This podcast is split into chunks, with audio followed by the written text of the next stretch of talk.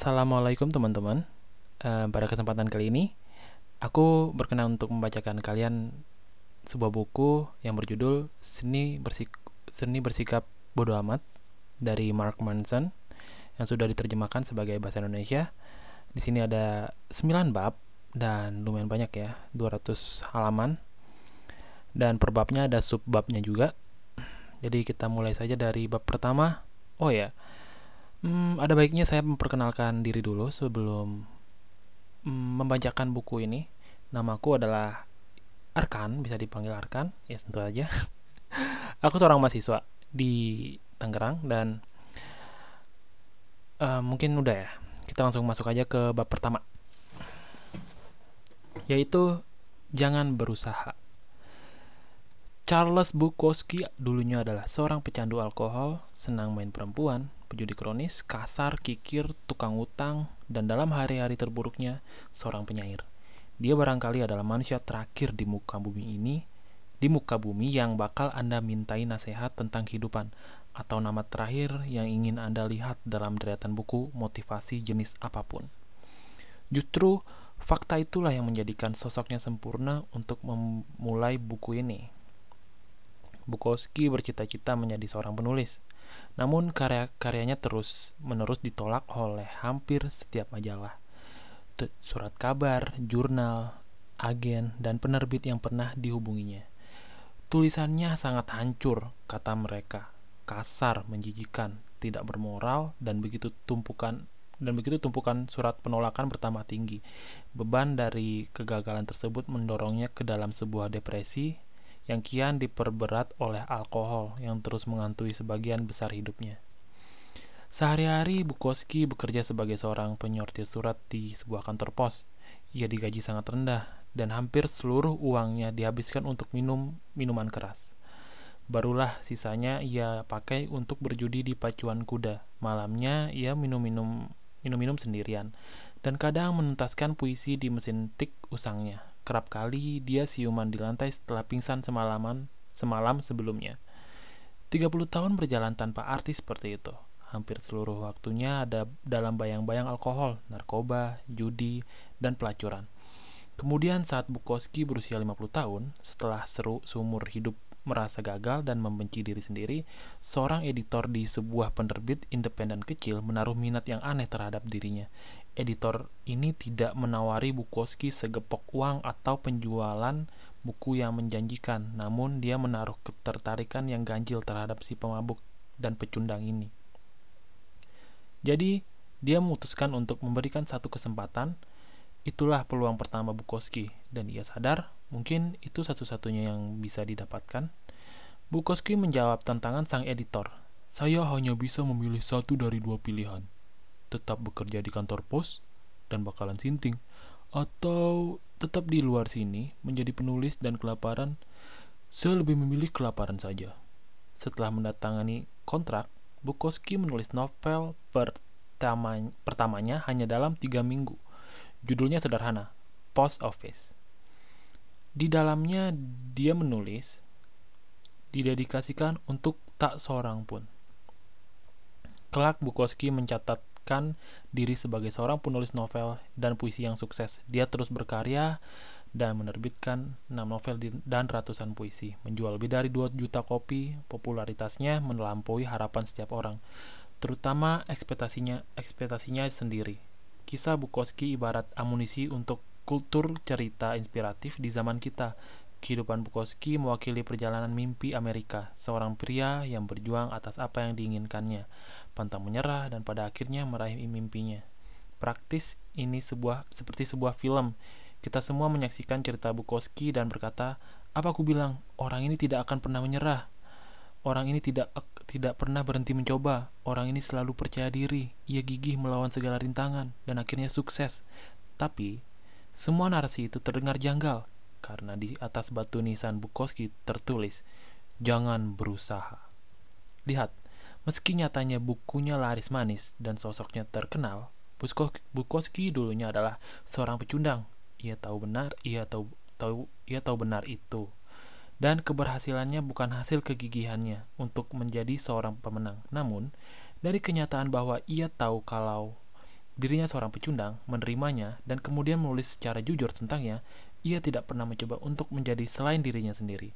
Kecerdasan dalam tulisan Bukowski bukan soal memanfaatkan peluang yang luar biasa atau menggambarkan dirinya menjadi seorang sastrawan yang gemilang. Yang ada adalah kebalikannya. Ia hebat karena kemampuan sederhana, sederhananya untuk jujur pada diri sendiri sepenuhnya dan setulusnya, ter terutama mengakui hal-hal paling buruk yang ada pada dirinya sekalipun dan untuk membagikan perasaannya tanpa segan atau ragu. Ini adalah cerita di balik kesuksesan Bukowski yang sesungguhnya dia nyaman dengan cerminan dirinya yang dianggap sebagai sebuah kegagalan. Bukowski sama sekali masa bodoh dengan kesuksesan. Bahkan setelah dia menjadi terkenal, dia masih muncul dalam pembacaan puisi, pendapat, pendapat, pendapat dan mencibir audiensnya dengan kasar. Dia masih mengekspos dirinya di muka umum dan meniduri setiap perempuan yang ia temui. Menjadi terkenal dan sukses tidak mengubahnya menjadi pribadi yang lebih baik, dan ia menjadi terkenal dan sukses. Bukan karena perubahannya menjadi orang yang lebih baik, Maaf, saya ulangi. Dan dia menjadi terkenal dan sukses, bukan karena perubahannya menjadi orang yang lebih baik. Perbaikan diri dan kesuksesan kadang terjadi bersamaan. Namun, ia tidak lantas berarti keduanya adalah hal yang sama. Budaya kita hari ini terobsesi untuk mewujudkan harapan positif yang mustahil diwujudkan. Menjadi lebih bahagia, menjadi lebih sehat, menjadi paling baik, lebih baik daripada yang lainnya, menjadi lebih pintar, lebih cepat, lebih kaya, lebih seksi, lebih populer, lebih produktif, lebih diinginkan, dan lebih dikagumi, menjadi sempurna dan memukau. Setiap hari Anda meninggalkan segepok emas 24 karat usai sarapan dan mencium istri Anda yang bahaya nol dan telah siap melakukan selfie lalu berpamitan pada anak-anak Anda yang manis dan gendut.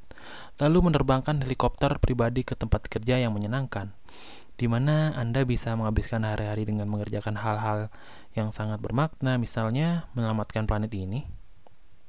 Namun, ketika Anda berhenti sejenak dan sungguh merenungkan nasihat hidup yang konvensional, segala macam nasihat motivasional untuk menjadi pribadi yang positif atau menyenangkan yang selalu kita dengar, sebenarnya justru memberi penekanan pada kekurangan Anda Nasihat itu langsung menyoroti apa yang Anda anggap sebagai kekurangan dan kegagalan pribadi Anda. Kemudian, menggarisbawahi hal tersebut untuk Anda. Anda mempelajari cara terbaik untuk mendapatkan uang karena Anda sudah sudah merasa tidak mempunyai uang. Anda berdiri di depan cermin dan terus mengafirmasi kalau Anda cantik karena Anda sudah tidak merasa cantik. Anda sudah merasa tidak cantik. Untuk mengikuti tips berkencan dan menjalani menjalin hubung, hubungan karena Anda merasa bahwa memang Anda tidak layak dicintai. Anda melakukan latihan visualisasi yang konyol untuk menjadi lebih sukses karena Anda memang merasa tidak cukup sukses. Ironisnya, pengarahan pemikiran adalah pada hal-hal positif ini tentang apa yang lebih baik, apa yang lebih unggul, hanya akan mengingatkan diri kita lagi dan lagi tentang kegagalan kita, kekurangan kita, apa yang seharusnya kita lakukan pada maaf apa yang seharusnya kita lakukan namun gagal, kita wujudkan. Bagaimanapun, jika seorang sungguh bahagia, dia tidak akan merasa perlu untuk berdiri di depan cermin dan mengulang-ulang ucapan kalau dia bahagia. Dia bahagia, ya bahagia begitu saja. Ada sebuah ungkapan di Texas, anjing paling mungil menggonggong paling keras. Seorang yang percaya diri tidak merasa Seorang yang percaya diri tidak merasa perlu untuk membuktikan kalau dia percaya diri. Seorang wanita yang kaya tidak merasa perlu untuk meyakinkan untuk meyakinkan seorang pun kalau dia kaya. Entah Anda seperti itu atau tidak, dan jika Anda setiap saat memimpikan sesuatu, Anda sebenarnya sedang menguatkan realitas bawah sadar Anda lagi dan lagi bahwa Anda bukan itu.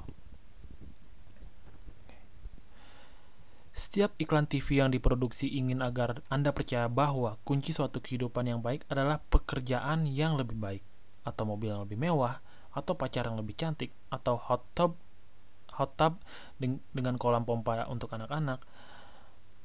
Dunia secara konstan mencecar Anda bahwa jalan menuju kehidupan yang lebih baik adalah lebih, lebih, lebih, lebih banyak, dapatkan lebih banyak, buat lebih banyak, bercinta lebih banyak, jadi lebih jadi lebih dan lebih. Anda secara konstan di Anda secara konstan dibombardir dengan pesan untuk memedulikan apa saja, kapan saja, berpikir untuk membeli TV baru, liburan ke destinasi yang lebih baik daripada rekan kerja Anda, beli ornamen teman taman baru, bahkan Anda didorong untuk mempertimbangkan membeli tongsis yang cocok. Mengapa? Dugaan saya, karena membeli lebih banyak barang baik untuk bisnis. Dan walau memang tidak ada yang salah dari sisi bisnis, masalahnya justru memedulikan terlalu banyak hal akan berakibat buruk untuk kesehatan mental Anda. Ini membuat Anda menjadi terlalu terikat pada hal-hal dangkal dan palsu. Anda membiarkan hidup Anda demi mengejar fata morgana, kebahagiaan dan kepuasan. Eh, kepuasan. Kunci untuk kehidupan yang baik bukan tentang mempedulik, memedulikan lebih banyak hal, tapi tentang memedulikan hal yang sederhana saja. Hanya sa hanya peduli tentang apa yang benar dan mendesak dan penting. Subbab lingkaran setan.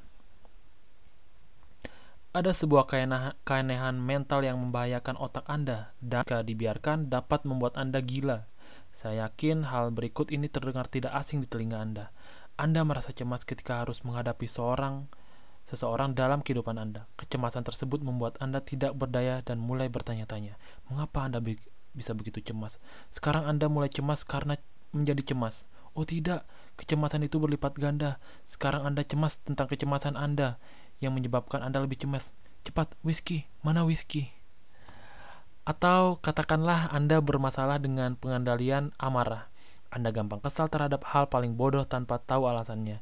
Dan fakta bahwa Anda mudah sekali marah mulai membuat Anda semakin sering marah. Dan kemudian, ketika mulai reda, Anda menyadari bahwa selalu marah-marah membuat Anda menjadi seorang yang berpikiran dangkal dan kejam. Dan Anda benci hal itu. Anda sangat membencinya sehingga Anda marah pada diri sendiri. Sekarang lihat diri Anda. Anda marah pada diri Anda yang marah-marah karena mudah marah. Ah, persetan lah. Mana dinding? Rasakan tinjuku. Atau Anda begitu khawatir selalu melakukan hal dengan benar sehingga Anda menjadi khawatir tentang betapa besar kekhawatiran Anda. Atau Anda merasa begitu bersalah atas setiap kesalahan yang Anda buat sehingga Anda mulai merasa bersalah tentang betapa bersalah, betapa merasa bersalahnya Anda. Atau Anda sedang kesepian begitu sering sehingga membuat Anda bahkan lebih sedih dan kesepian hanya karena memikirkannya. Selamat datang di lingkaran setan. Anda bisa mengalaminya beberapa kali atau lebih. Mungkin sekarang Anda sedang mengalaminya, Tuhan, saya berada dalam lingkaran setan. Saya seorang pecundang karena mengalaminya. Saya harus berhenti. Oh Tuhan, saya merasa seperti seorang pecundang karena menyebut diri saya seorang pecundang. Saya harus berhenti memanggil diri saya seorang pecundang. Aduh, kurang asem. Kenapa saya malah mengucapkannya lagi? Nah, kan? Saya sungguh pecundang. Ah, sudahlah. Tenang kawan. Percaya atau tidak, inilah uniknya menjadi manusia. Hanya sedikit binatang di bumi yang memiliki kemampuan untuk berpikir dan meyakinkan diri sebelum melakukan sesuatu. Dan kita sebagai manusia diberikan keistimewaan untuk dapat berpikir tentang pikiran kita. Jadi, saya dapat berpikir untuk menonton Miley Heroes di YouTube. Kemudian, mendadak memikir, memikirkan keinginan saya untuk menonton Miley Heroes di YouTube. Itu sungguh itulah keajaiban kesadaran. Sekarang di sinilah letak masalahnya. Masyarakat kita saat ini lewat keajaiban budaya konsumen dan media sosial yang giat dijadikan ajang pamer telah melahirkan generasi manusia yang percaya bahwa memiliki pengalaman-pengalaman negatif ini, rasa cemas, takut, bersalah, dan lain-lain sangat tidak baik. Maksud saya, jika Anda melihat feed Facebook Anda, setiap orang di sana menjalani saat-saat yang menyenangkan, lihat, 8 orang menikah minggu ini. Dan TV beberapa dan di TV beberapa remaja putri mendapatkan sebuah Ferrari sebagai hadiah ulang tahun mereka yang ke-17 dan anak-anak lain berus, barusan menghasilkan 2 juta US dollar karena membuat sebuah aplikasi yang secara otomatis bisa mengeluarkan tisu toilet ketika sudah habis. Sementara itu, Anda terjebak di rumah, sedang membersihkan gigi kucing Anda, dan Anda tidak mau berpikir bahwa hidup Anda hidup Anda 10 kali lebih menjebalkan dari orang dari yang semula Anda kira. Lingkaran setan seolah telah mewabah, sehingga membuat banyak dari antara kita terlalu gusar dan terlalu membenci diri sendiri. Padahal di era kakek saya dulu saat mulai saat mulai maaf rasa kesal, dia biasanya hanya berkata dalam hati, "Ya ampun, hari ini saya benar-benar seperti tai kerbau." Tapi ya, bukankah ini yang dinamakan hidup? Oke lah kalau begitu, lebih baik sekarang kembali mencekap jerami.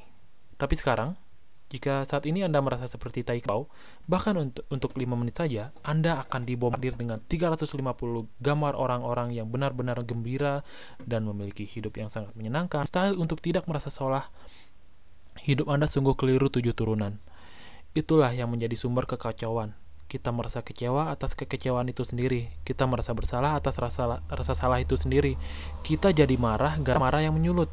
Kita jadi cemas karena perasaan cemas itu sendiri. Apa yang salah dengan saya? Inilah mengapa bersikap masa bodoh adalah kuncinya. Inilah alasan mengapa itu akan menyelamatkan dunia dan kuncinya adalah jika kita bisa menerima bahwa dunia ini benar-benar keparat dan itu tidak apa-apa, karena memang seperti itu dan akan seperti itu adanya. Dengan tidak ambil pusing ketika Anda merasa buruk, berarti Anda memutus lingkaran setan. Anda berkata pada diri sendiri, "Saya merasa sangat buruk, tapi terus kenapa? Apa pedulimu?" Dan kemudian, ibarat ditaburi debu ajaib peri, Anda berhenti membenci diri Anda sendiri saat merasa begitu kecewa. Wow, ini gua banget sih.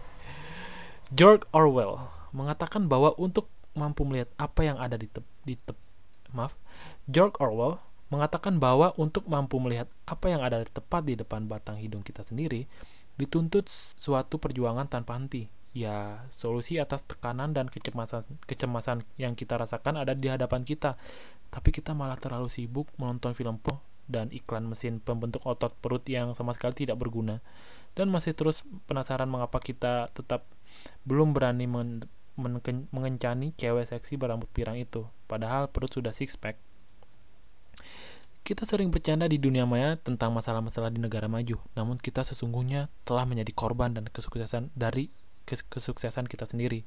Masalah kesehatan yang dipicu oleh stres, gangguan kecemasan, dan kasus-kasus depresi telah melejit tinggi 30 tahun belakangan ini. Meskipun faktanya setiap orang sudah mempunyai TV layar datar dan dengan sekali klik, belanjaan Anda sudah sam sampai depan pin sampai depan rumah. Krisis kita bukan lagi soal materi, namun soal eksistensi, eksistensi, ranah spiritual. Kita punya begitu banyak barang dan peluang sampai-sampai kita tidak tahu apa lagi yang bisa kita kerjakan saat ini karena kita karena tidak terbatas karena ter, tidak terbatasnya hal yang dapat kita lihat atau ketahui saat ini tidak terbatas pula hal-hal yang mengakibatkan kita merasa terpinggirkan, merasa diri ini jelek, dan merasa kecewa atas hal-hal yang kita miliki sebab kini tampak tak sehat, sehebat yang kita kira. Dan inilah yang mengo mengoyak diri kita dari dalam. Di sinilah letak kekeliruan semua postingan sampah yang berhubungan dengan bagaimana menjadi bahagia yang telah dibagikan 8 juta kali di Facebook beberapa tahun belakangan ini. Inilah yang tidak disadari seorang pun tentang semua nasihat sampah itu. Hasrat untuk untuk mengejar semakin banyak pengalaman positif sesungguhnya adalah sebuah pengalaman negatif. Sebaliknya, secara paradoksal, penerimaan sese seseorang terhadap pengalaman negatif justru merupakan sebuah pengalaman positif. Oh, jadi kebalikannya gitu. Pernyataan di atas ter terdengar terlalu jelimet di kepala Anda. Jadi, saya akan memberi Anda waktu untuk melur meluruskan pemikiran Anda dan mungkin untuk membacanya sekali lagi Menginginkan pengalaman positif adalah sebuah pengalaman negatif. Menerima pengalaman negatif adalah sebuah pengalaman positif. Inilah apa yang dulu pernah disebut oleh filsuf Alan Watts sebagai hukum kebalikan. Inti, intinya adalah semakin kuat Anda berusaha merasa baik setiap saat, Anda akan merasa semakin tidak puas karena mengejar sesuatu hanya akan meneguhkan fakta bahwa pertama-tama Anda tidak baik. Ya, benar juga. Semakin mati-matian Anda berusaha ingin kaya, Anda akan merasa semakin miskin dan tidak berharga, terlepas dari seberapa besar penghasilan Anda sesungguhnya. Semakin mati-matian Anda ingin tampil seksi dan diinginkan, Anda akan memandang diri Anda semakin jelek, terlepas dari seperti apa penampilan fisik Anda sesungguhnya. Semakin mat, semakin mati-matian Anda ingin bahagia dan dicintai, Anda akan menjadi semakin kesepian karena merasa ketakutan terlepas dari banyaknya orang yang berada di sekitar Anda. Semakin Anda berusaha mendapatkan pencerahan spiritual, Anda akan semakin tertelan oleh diri sendiri oleh diri Anda sendiri dan menjadi semakin dangkal untuk dapat mencapainya. Kurang lebih ini menyerupai pengalaman saya saat menjajal LSD, semacam narkoba. Um, semakin saya melangkah mendekati rumah saya, rumah itu justru semakin menjauh dari saya. Dan ya benar, saya baru saja menggunakan halusinasi LSD untuk membuat sesuatu penjelasan filosof filosofis tentang kebahagiaan. Tidak masalah kan? Seperti yang dikatakan filsuf, filsuf eksistensialisme Albert Camus, Albert Camus, ini bacanya C A Camus, saya nggak tahu bacanya gimana. Dan saya cukup yakin dia tidak sedang di bawah pengaruh LSD saat itu. Anda tidak dan dia bilang, Anda tidak akan pernah bahagia jika Anda terus mencari apa yang terkandung dalam kebahagiaan. Anda tidak akan pernah hidup jika terus mencari arti kehidupan. Atau dengan kata lain, jangan berusaha. Dan saya tahu apa yang Anda katakan, Mark, ini sungguh membingung, membuat saya gerah. Lalu bagaimana dengan tabungan saya yang rencananya akan saya gunakan untuk membeli Camaro sejenis mobil mewah? Bagaimana dengan upaya saya menahan lapar untuk mendapatkan tubuh bagus? Lagi pula saya telah membayar mahal untuk mesin pembentuk perut itu. Bagaimana dengan rumah besar di danau yang selalu saya impikan? Jika saya berhenti mengusahakan itu semua, maka saya tidak akan pernah meraih apa pun. Apa pun itu bukan yang saya harapkan, kan? Saya senang Anda bertanya. Pernah kan Anda memperhatikan bahwa kadang ketika Anda kurang mempedulikan sesuatu, Anda justru mengerjakan hal itu dengan baik. Pernah kan memperhatikan bagaimana sering kali seseorang hanya iseng melakukan sesuatu malah sukses pada akhirnya?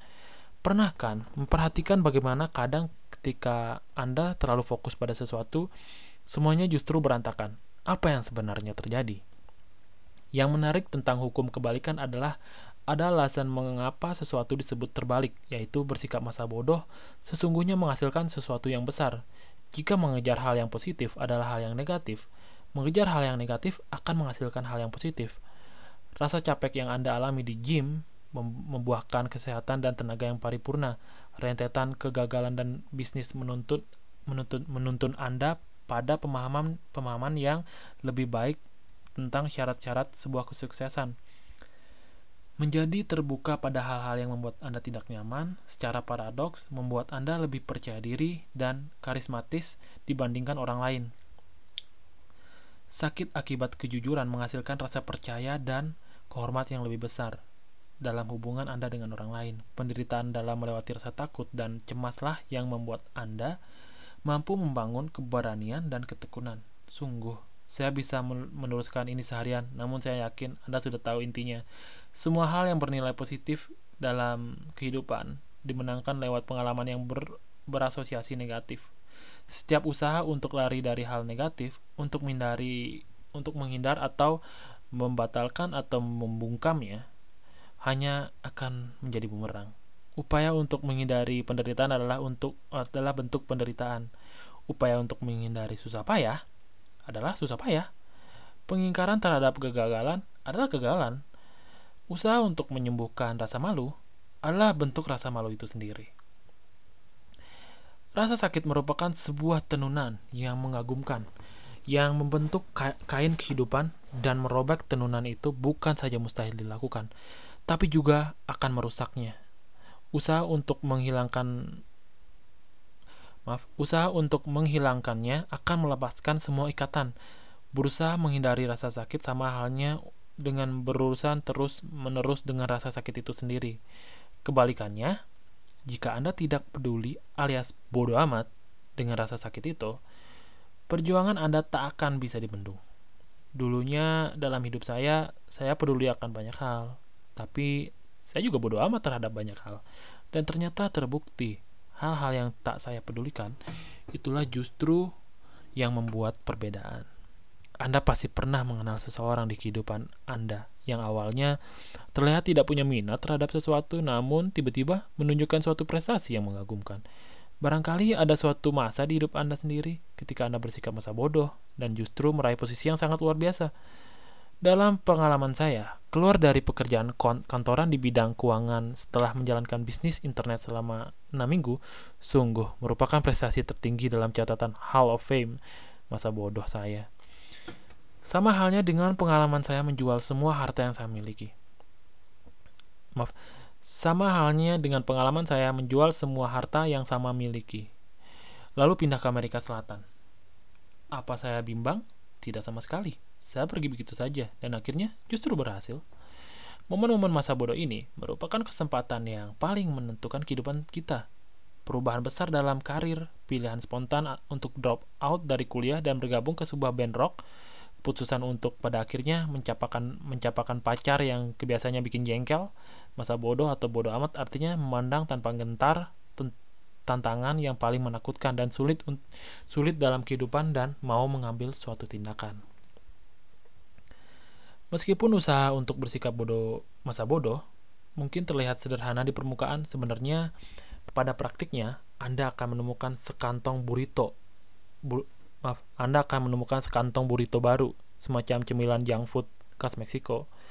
Saya sebenarnya tidak tahu apa arti kalimat barusan, ya tapi bodoh amat. Mungkin karena sekantong burrito terdengar keren, jadi terima saja.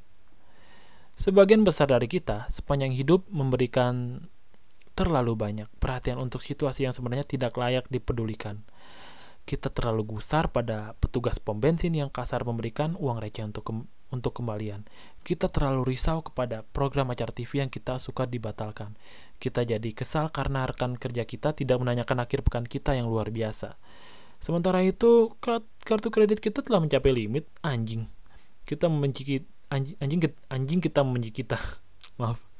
Dan si Buyung sedang nyabu di kamar mandi dan biar begitu kita masih saja mempersoalkan tentang uang receh. Oh, tadi sampai mana ya? Uh, ini karena bukannya di komputer jadi seperti ini nih. Ini kayaknya harus di pause dulu. Satu paragraf harus di sementara itu. Oh ya.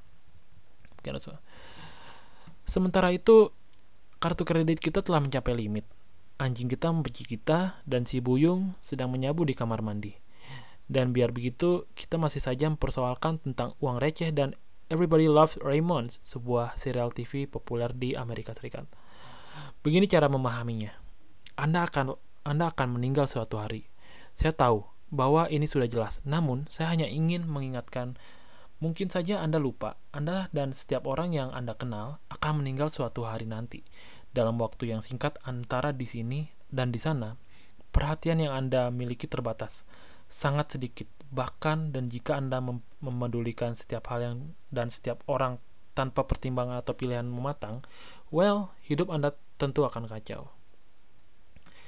Ada sebuah seni yang luhur untuk bersikap masa bodoh, dan meskipun konsep ini terdengar konyol, dan mungkin Anda menganggap saya brengsek, apa yang akan saya katakan di sini katakan di sini menggarisbawahi betapa pentingnya belajar memfokuskan memfokuskan dan memprioritaskan pikiran Anda secara efektif. Bagaimana memilih dengan teliti hal apa yang penting dan apa yang tidak penting untuk Anda berdasarkan nilai pribadi yang ter terasa hingga tajam. Ini teramat sulit. Ini membutuhkan latihan dan kedisiplinan seumur hidup untuk mencapainya dan Anda akan sering gagal. Namun, ini mungkin perjuangan terlayak yang dapat dilakukan seseorang dalam hidupnya. Ini mungkin satu-satunya perjuangan dalam hidup manusia. Karena ketika Anda terlalu mengurusi segala hal, ketika Anda memperhatikan setiap orang dan setiap hal, Anda akan senantiasa merasa bahwa Anda Anda berhak merasa nyaman dan bahagia kapan saja, bahwa semuanya harusnya sama persis dengan apa yang Anda inginkan.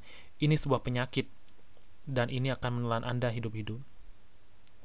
Anda melihat setiap kesulitan sebagai suatu ketidakadilan, setiap tantangan sebagai sebuah kegagalan, setiap ketidaknyamanan terasa jadi masalah pribadi. Setiap perbedaan mendapat pendap ah, maaf, setiap perbedaan pendapat sebagai sebuah pengkhianatan. Anda akan terpenjara dalam kepicikan Anda sendiri, neraka pikiran Anda sendiri, hangus oleh amuk amarah, amuk dan amarah lingkaran setan Anda sendiri, dalam gerak konstan yang tidak ada ujungnya. Subbab 2 Sebuah seni untuk bersikap masa bodoh Saat kebanyakan orang membayangkan mental masa bodoh ini, mereka membayangkan sejenis kekalaman yang tidak terpengaruh, terpengaruh apa pun, ketenangan yang mampu melewati semua badai. Mereka membayangkan dan ingin menjadi seorang yang tidak tergoyahkan dan tidak membuat gusar siapa pun. Ada sebutan untuk orang yang tidak punya emosi atau pemahaman untuk apa pun. Psikopat. Mengapa Anda ingin meniru seorang psikopat? Saya tidak habis pikir. Jadi, apa arti masa bodoh di sini? Mari kita lihat tiga seni yang dapat membantu menjernihkan perkara ini. Seni pertama, masa bodoh bukan berarti menjadi acuh tak acuh. Masa bodoh berarti nyaman saat menjadi berbeda. Mari kita jernihkan. Sama sekali tidak ada yang dapat dikagumi atau diam, diamini dalam sikap acuh tak acuh. Orang yang orang-orang yang acuh tak acuh adalah mereka yang lemah dan cute hatinya. Mereka go, mereka tergolong coach potatoes, malas bergerak dan tukang usil dan inter dan internet Faktanya, orang-orang yang acuh tak acuh sering berusaha untuk bersikap masa bodoh karena dalam kenyataannya mereka terlalu rewel terhadap segala sesuatu. Mereka terganggu dengan apa yang dipikirkan semua orang tentang rambut mereka, sehingga mereka mereka tidak pernah berusaha payah mencuci atau menyisirnya. Mereka risau dengan apa yang dipikirkan setiap orang tentang ide mereka. Jadi mereka bersembunyi di balik sarkasme dan kritik pedas. Mereka takut tidak membiarkan siapa pun mendekati mereka, sehingga mereka menampilkan sosok mereka sebagai manusia yang spesial, unik dengan segudang masalah yang tidak mungkin dimengerti orang lain. Orang yang acuh tak acuh takut terhadap dunia dan ganggu dan gaung pilihan mereka sendiri. Itulah alasan mereka tidak sekalipun membuat pilihan yang berarti. Mereka bersembunyi di, di dalam liang kelabut kelabum tanpa emosi yang mereka gali sendiri terserap oleh diri mereka sendiri dan mengasihani diri sendiri terus-menerus mengalihkan perhatian mereka dari hal yang menuntut waktu dan energi mereka yang disebut kehidupan. Karena inilah fakta tentang kehidupan. Tidak pernah ada yang namanya masa bodoh. Anda pasti memundurkan sesuatu. Sisi biologis kita selalu peduli akan sesuatu. Dan karena itu kita akan selalu memedulikan sesuatu. Pertanyaannya kemudian adalah apa yang kita pedulikan? Hal apa yang kita pilih dan bagaimana caranya agar kita bersikap masa bodoh terhadap hal yang memang tidak ada maknanya. Ibu saya baru saja ditipu teman dekatnya dan kehilangan uang dalam jumlah banyak. Jika saya acuh tak acuh, saya akan meng meng mengangkat bahu, menyeruput moka, dan mengunduh serial The Wire, The Wire musim berikutnya. Maaf bu, tapi bukan it, bukan tapi bukan itu yang saya lakukan. Saya geram, saya naik tak saya naik pitam. Saya berkata, dasar keparat kurang ajar, lihat saja. Bu, kita cari pengacara biar keparat itu merasakan akibatnya. Tahu mengapa? Karena saya sama sekali tidak peduli. Saya akan hancurkan sekali hidup saya akan hancurkan sekalian hidup laki-laki itu jika memang perlu. Ilustrasi tersebut menggambarkan ketajaman pertama dalam seni bersikap masa bodoh ini. Ketika kita berkata keparat awas Mark Manson bersikap masa bodoh. Ini bukan berarti bahwa Mark Manson bersikap masa bodoh tentang apa pun, sebaliknya. Yang dimaksud adalah bahwa Mark Manson bersikap bersikap masa bodoh terhadap kesengsaraan yang menghalangi tujuannya. Dia tidak mengambil pusing dengan orang-orang yang geram saat ia melakukan sesuatu yang dirasa benar atau penting atau mulia. Artinya bahwa artinya adalah bahwa Mark Manson adalah tipe orang yang akan menulis kisah dirinya sebagai orang ketiga hanya karena dalam pikirannya itu adalah hal yang tepat untuk dilakukan. Dia hanya masa bodoh, itu saja. Inilah yang patut dikagumi. Tentu saja bukan saya yang harus Anda kagumi dalam kalimat-kalimat di atas, namun perjuangan dalam mengatasi kesulitan, kerelaan untuk menjadi berbeda, dipandang sebagai orang buangan, sampah masyarakat, semua itu ditempuh demi nilai-nilai orang itu sendiri. Kesediaan untuk menatap lekat-lekat kegagalan dan mengangkat jari tengah Anda ke arahnya. Orang-orang yang tidak peduli dengan kerasnya perjuangan itu, tak peduli dengan risiko kegagalan, masa bodoh akan hal-hal yang memalukan yang mungkin terjadi. Orang oh, maaf. Ini mana tadi? Hilang lagi. Inilah yang patut dikagumi. Tentu saja bukan saya yang harus Anda kagumi dalam kalimat-kalimat di atas, namun perjuangan dalam mengatasi kesulitan, kerelaan untuk menjadi berbeda, dipandang sebagai orang buangan, sampah masyarakat, semua itu ditempuh demi nilai-nilai orang itu sendiri. Kesediaan untuk menatap lekat-lekat kegagalan dan mengangkat jari tengah Anda ke arahnya. Orang-orang yang tidak peduli dengan kerasnya perjuangan itu, tak peduli dengan risiko ke kegagal kegagalan, masa bodoh akan hal-hal yang memalukan yang mungkin terjadi. Orang-orang yang hanya tertawa lalu kembali mengerjakan apa yang mereka yakini karena mereka tahu kalau itu benar, mereka tahu kalau itu lebih penting daripada diri mereka sendiri, lebih penting daripada perasaan mereka sendiri dan kebanggaan serta ego mereka sendiri. Orang-orang ini berkata, "Persetan tidak untuk semua hal." Tidak tidak untuk semua hal, namun untuk setiap hal yang tidak penting dalam hidup. Mereka menyimpannya untuk perkara yang sungguh penting. Teman-teman, keluarga, target hidup, burrito dan mungkin satu atau dua gugatan hukum dan karena begitu dan keputusan itulah karena mereka memutuskan untuk menyimpan kepeduliannya hanya untuk hal-hal besar yang penting. Sebagai sebagai balasannya, orang-orang jadi perlu terhadap mereka. Maaf, sebagai balasannya orang-orang jadi peduli terhadap mereka. Karena berikut ini lagi-lagi adalah fakta tentang kehidupan anda tidak akan bisa menjadi sosok yang penting dan mengubah hidup beberapa orang tanpa menjadi bahan candaan dan tertawaan bagi orang lain terlebih dahulu.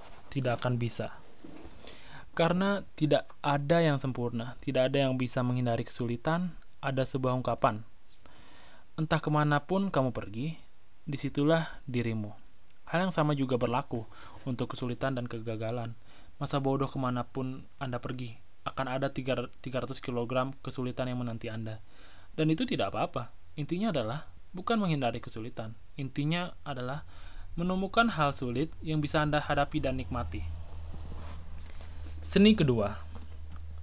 Untuk bisa mengatakan bodoh amat pada kesulitan, pertama-tama Anda harus peduli terhadap sesuatu yang jauh lebih penting dari kesulitan. Bayangkan, Anda berada di toko bahan makanan, dan Anda melihat seorang wanita tua berteriak kepada seorang kasir, memakinya karena tidak memperbolehkannya menggunakan kupon 3 sennya. Mengapa wanita ini mengamuk? Toh itu cuma 3 sen. Akan saya katakan alasannya. Minum dulu. Wanita wanita itu mungkin tidak punya hal yang wanita itu mungkin tidak punya hal lain yang lebih baik untuk dilakukan setiap hari Selain duduk di rumah meng mengguntingi kuponnya, dia tua dan kesepian. Anak-anaknya brengsek dan tidak pernah datang berkunjung. Dia tidak pernah lagi ber bercinta selama lebih dari 30 tahun. Dia tidak bisa kentut tanpa merasa sangat kesakitan di punggung bagian bawahnya. Tunjangan pensiun adalah tumpuan hidup terakhirnya. Dan dia mungkin dan dia kemungkinan akan meninggal dengan memakai popok dewasa sambil membayangkan dirinya berada di Candyland jadi wanita renta itu pun mengguntingi kupon-kupon hanya itu yang dia miliki. Hanya itu yang dimilikinya. Dirinya dan kupon keparatnya. Hanya itu yang penting baginya karena tidak ada hal lain yang bisa ia pedulikan. Dan begitulah saat kasir berjerawat berusia 17 tahun itu menolak untuk menerima satu pun kuponnya. Ketika si kasir berusaha melindungi mesin hitung uangnya layaknya kesatria yang melindungi keperawanan seorang gadis, jelas sekali si nenek akan benar-benar meledak Kejengkelan selama 80 tahun akan tumpah seketika seperti hujan es dahsyat yang mengiringi kecerewatan nenek itu tentang di zamanku dulu tidak seperti tentang di zamanku dulu tidak seperti ini atau di zamanku dahulu orang lebih punya tata krama. Alasan dibalik orang-orang yang mengobral kepedulian mereka seperti es krim di perkemahan musim panas ini adalah bahwa mereka tidak punya sesuatu yang layak untuk dipedulikan. Jika Anda menyadari kalau diri Anda secara konsisten memberikan porsi perhatian yang terlalu berlebihan untuk hal sepele yang membuat Anda gusar, foto baru mantan pacar di Anda di Facebook, betapa cepat baterai remote TV Anda mati, kehilangan kesempatan membeli sanitizer 2 gratis 1, artinya Anda tidak punya sesuatu yang layak dikerjakan di hidup ini. Dan itulah masalah Anda sesungguhnya, bukan hand sanitizer, bukan remote TV. Saya pernah mendengar seorang seniman mengatakan bahwa Ketika seseorang tidak memiliki masalah, pikiran secara otomatis akan menemukan cara untuk menciptakan suatu masalah. Saya rasa apa yang sebagian orang, khususnya orang kulit putih kelas menengah, terdidik yang ngehe atau manja, anggap sebagai masalah hidup, sesungguhnya hanya efek samping dari tidak adanya sesuatu yang lebih penting untuk dipedulikan. Jadi menemukan sesuatu yang penting dan bermakna dalam kehidupan Anda mungkin menjadi cara yang paling produktif untuk memanfaatkan waktu dan tenaga Anda. Karena jika Anda tidak menemukan sesuatu yang penuh, penuh arti, perhatian Anda akan tercurah untuk hal-hal yang tanpa makna dan sembrono. Dan sembrono. Seni ketiga, entah Anda sadari atau tidak, Anda selalu memilih sesuatu hal untuk diperhatikan. Orang-orang tidak dilahirkan dalam keadaan tanpa kepedulian. Faktanya, kita dilahirkan untuk risau terhadap terlalu banyak hal. Pernahkah Anda melihat seorang anak yang menangis karena warna biru di topinya tidak sesuai? Persis, sungguh anak kecil yang bikin repot. Saat kita belia, semua hal terasa baru dan seru, dan semuanya tampak begitu berat. Karena itu, kita jadi peduli banyak hal, kita peduli tentang setiap hal dan setiap orang, tentang apa yang dikatakan orang atas diri kita, tentang apakah cowok atau cewek yang yang manis itu membalas telepon kita atau tidak, tentang apakah kaos kaki kita cocok atau tidak, atau apa warna balon ulang tahun kita. Ketika kita beranjak dewasa, didukung oleh banyak pengalaman, dan setelah menyadari bahwa banyak waktu terlewat begitu saja. Kita mulai memperhatikan bahwa sebagian besar hal semacam ini hanya memiliki dampak yang kecil dalam hidup kita.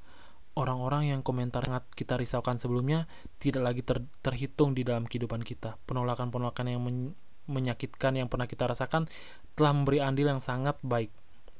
Kita jadi tahu berapa betapa kecilnya perhatian yang diberikan oleh oleh orang lain pada detail-detail superficial tentang diri kita. Dan kita pun akhirnya memilih untuk tidak lagi menanggapi mereka terlalu serius. Intinya, kita menjadi semakin selektif terhadap perhatian yang rela kita berikan. Inilah sesuatu yang kita sebut kedewasaan. Ini bagus, Anda mencobanya suatu, suatu kali. Kedewasaan muncul ketika seorang belajar untuk peduli hanya pada sesuatu yang sangat berharga, seperti yang dikatakan Bon Morland kepada rekannya detektif M. McNulty dalam The Wire, yang sialnya masih belum selesai saya unduh Itulah yang Anda dapatkan jika mencurahkan perhatian tidak pada saatnya. Lalu, seiring pertambahan usia dan memasuki parubaya, perubahan lain mulai terjadi. Energi kita mulai menurun, identitas kita mulai identitas kita mulai menguat. Kita kita tahu siapa kita dan kita menerimanya sepenuh hati. Termasuk bagian-bagian yang sama sekali tidak membanggakan. Dan anehnya, ini membuat kita merasa merdeka kita tidak perlu lagi kita tidak perlu lagi kita tidak lagi perlu peduli terhadap setiap hal. Hidup berjalan apa adanya. Kita menerimanya entah baik atau buruk. Kita menerima bahwa kita tidak akan pernah menyembuhkan kanker atau pergi ke bulan atau merasakan puting Jennifer Aniston. Dan itu tidak masalah. Hidup terus berjalan. Jadi, sekarang ini kita bisa menyisihkan perhatian kita yang semakin berkurang untuk hal yang benar layak dalam hidup kita, keluarga kita, teman-teman terbaik kita, ay ayunan golf kita, dan herannya hal-hal itu sudah cukup membahagiakan. Penyederhanaan ini sesungguhnya membuat kita senantiasa merasa sangat bahagia, dan kita mulai berpikir, mungkin apa yang dikatakan Bukowski, pecahan gila itu memang benar adanya. Jangan berusaha. Jadi Mark, ngomong-ngomong, apa inti buku ini? Buku ini membantu Anda berpikir sedikit lebih jelas untuk memilih mana yang penting dalam kehidupan dan mana yang seba sebaliknya. Saya yakin ini kita menghadapi suatu wabah psikologis, yaitu ketika orang-orang tidak lagi menerima dengan ten dengan tenang bahwa kadang-kadang ada hal yang tidak menyenangkan dalam hidup ini. Saya tahu ini terdengar kurang intelektual hanya di permukaan, hanya di permukaan, tapi yakinlah masalah ini menyangkut hidup dan mati. Karena saat kita percaya bahwa mengal mengalami hal-hal yang tidak menyenangkan ini sangat memalukan, secara tidak sadar, kita mulai menyalahkan diri kita sendiri. Kita mulai merasa sepertinya ada sesuatu yang salah di, di dalam diri kita yang menggerak kita ke semua jenis kompensasi yang fatal, seperti membeli 40 pasang sepatu atau menenggak Xanax, obat penghilang rasa sakit, dengan vodka chaser cairan yang diminum setelah vodka di suatu malam Rabu atau menembaki bus sekolah yang penuh dengan anak-anak. Kepercayaan ini bahwa tidak sempurna kepercayaan ini bahwa tidak sempurna itu memalukan. Adalah sumber tumbuhnya lingkaran setan yang mulai mengambil alih per, perabad, peradaban kita. Cuek dan masa bodoh ad adalah cara yang sederhana untuk mengarahkan kembali ekspektasi hidup kita, memilih apa yang penting dan apa yang tidak. Usaha untuk mengembangkan kemampuan ini mengarah pada suatu yang saya pikir bisa menjadi semacam pencerahan praktis. Bukan, bukan pencerahan yang mengawang-awang. Penuh penuh mimpi kebahagiaan mengakhiri semua penderitaan dan semua mengkosong motivasional. Sebaliknya, saya melihat sebuah pencerahan yang sifatnya praktis. Yang sejalan dengan ide bahwa beberapa penderita penderitaan mustahil dihindari. Benar beberapa penderitaan mustahil dihindari. Bahwa apa pun yang Anda lakukan, hidup ini akan tetap terisi kegagalan, kerugian, penyesalan, dan bahkan kematian. Karena begitu Anda nyaman dengan semua tahi yang dilemparkan oleh kehidupan pada Anda, percayalah akan ada banyak akan ada sangat akan ada banyak Anda akan menjadi tak terkalahkan pada level spiritual yang paling dasar. Apalagi satu-satunya cara untuk mengatasi kepedihan yang timbul adalah pertama-tama belajar bagaimana menanggung, menanggung semua itu. Buku ini tidak berbicara bagaimana cara meringankan masalah atau rasa sakit Anda. Buku ini bukan pula panduan untuk mencapai suatu keagungan, tidak akan bisa. Karena keagungan hanya sebuah ilusi dalam pikiran kita. Suatu dari bohongan yang seakan akan wajib kita capai, kota Atlantis dalam psikologi kita sendiri. Sebaliknya, buku ini akan mengubah rasa rasa sakit Anda menjadi sebuah per, peranti. Trauma Anda menjadi ketakutan, masalah Anda menjadi masalah yang lebih baik. Ini baru gerak yang sesungguhnya. Renungkan ini, renungkan hal ini sebagai panduan saat mengalami penderitaan dan bagaimana cara untuk mengambil tindakan yang lebih baik, lebih bermakna, penuh dengan kasih sayang dan kerendahan hati. Inilah buku yang akan membuat Anda bergerak secara ringan, tak peduli seberapa berat beban Anda, beristirahat dengan lebih mudah, ditemani ketakutan terbesar Anda, menertawakan air mata Anda yang saat tumpah bercucuran. Buku ini tidak akan mengajari Anda bagaimana cara mendapat atau mencapai sesuatu, namun lebih pada bagaimana cara berlapang dada dan membiarkan sesuatu pergi. Ini akan mengajari Anda untuk membuat inventaris kehidupan Anda dan menyortir hal-hal yang paling penting saja. Ini juga akan mengajari Anda untuk memejamkan mata dan percaya bahwa Anda bisa menyatukan diri ke belakang dan tetap baik-baik saja. Ini akan mengajari Anda untuk peduli lebih sedikit. Ini akan mengajari Anda untuk jangan berusaha. Mungkin itu adalah um, kalimat terakhir dari pertama. Dan di sini mohon maaf karena banyak yang miss. Nggak miss juga. Tapi tadi um, skip gitu karena saya salah mencet tombol. Ini saya bacanya di laptop. Ada buku fisiknya. Saya sempat beli buku fisiknya tapi kebetulan dipinjam jadi bacanya yang PDF-nya saja um, lumayan capek ya membacakan. Ini ini adalah kali pertama saya membacakan buku um, dan sebenarnya buku ini sudah saya baca di saya punya buku fisiknya tapi belum sampai selesai juga. Dan rencananya audiobook ini akan saya baca sampai selesai sampai bab terakhir. Semoga kalian bisa stay untuk tetap baca ya. Um, dan maaf juga belepotan karena juga kali pertama ngebacain buku. Nah mungkin itu saja. Terima kasih karena sudah mendengarkan. See you on the next audiobooks